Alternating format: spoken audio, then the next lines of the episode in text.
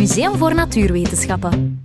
Ah, yes. We zijn bij de iguanodons. Dat zijn mijn favoriete dinosaurussen.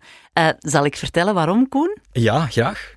Oké, eh, de eerste overblijfselen van een iguanodon werden al in 1822 in het zuiden van Engeland gevonden. Maar dat waren eigenlijk maar een paar botten en stukjes hier en daar, waardoor ze die toen een beetje fout als een soort gigantische leguaan hebben gereconstrueerd, met een grote hoorn op zijn neus. Maar dan, in 1878, gebeurt er iets ongelooflijks. Hier in België zelfs, hè Koen? Ja, dat klopt. Um, in uh, 1878 uh, werden in een uh, steenkoolmijn nabij het plaatsje Bernissar in het zuiden van België 30 skeletten van complete iguanodons gevonden.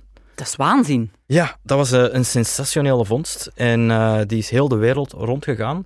Uh, en het heeft ons landje eigenlijk op de kaart van de paleontologie gezet. Dus het is eigenlijk dankzij die ongelooflijke vondst dat wij weten dat die hoorn van de iguanodon helemaal niet op zijn neus zat, maar dus eigenlijk gewoon zijn duim was. Ja, dat klopt. De iguanodon had eigenlijk een, uh, een hele grote, uh, massieve duim, uh, waarop natuurlijk een, een grote nagel zat.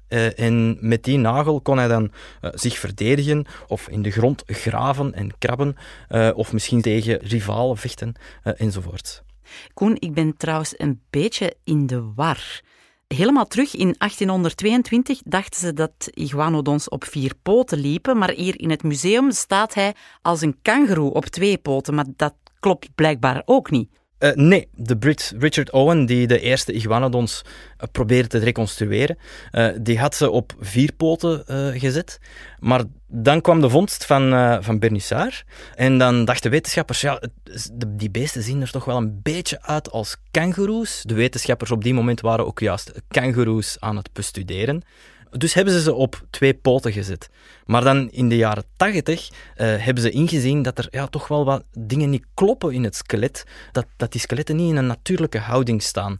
En dan zijn ze tot het inzicht gekomen dat die eigenlijk tijdens het sterfteproces krijg je samentrekking van spieren en pezen, waardoor het skelet in een onnatuurlijke houding komt te liggen.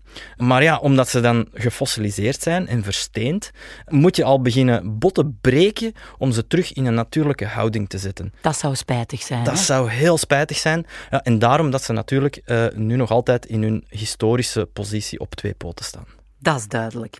Uh, zeg Koen, als ik hier zo rondkijk, dan hebben we niet alleen iguanodons gevonden daar in Bernissar, maar ook krokodillen, salamanders en vissen. Ja, 125 miljoen jaar geleden uh, was er in Bernissar een uh, meer. en dat meer is gevormd doordat je in de ondergrond oplossingsholtes krijgt, grotvorming, en een instortingskoker die dan uiteindelijk ja, dat meer gevormd heeft. En omdat België toen ter hoogte van de Evenaar lag, krijg je daar een heel tropisch klimaat, waardoor er salamanders, krokodillen, allerlei vissen en ook een heleboel tropische planten rond dat meer groeiden. Ja, Koen, maar hoe zijn die iguanodons dan gestorven? Ja, die zijn waarschijnlijk bedwelmd geraakt doordat ze in het meer gevallen zijn. Dat meer, die oevers, je hebt een heel instabiele situatie. Door die grotvorming krijg je voortdurend afbrokkeling van uh, de oevers van het meer.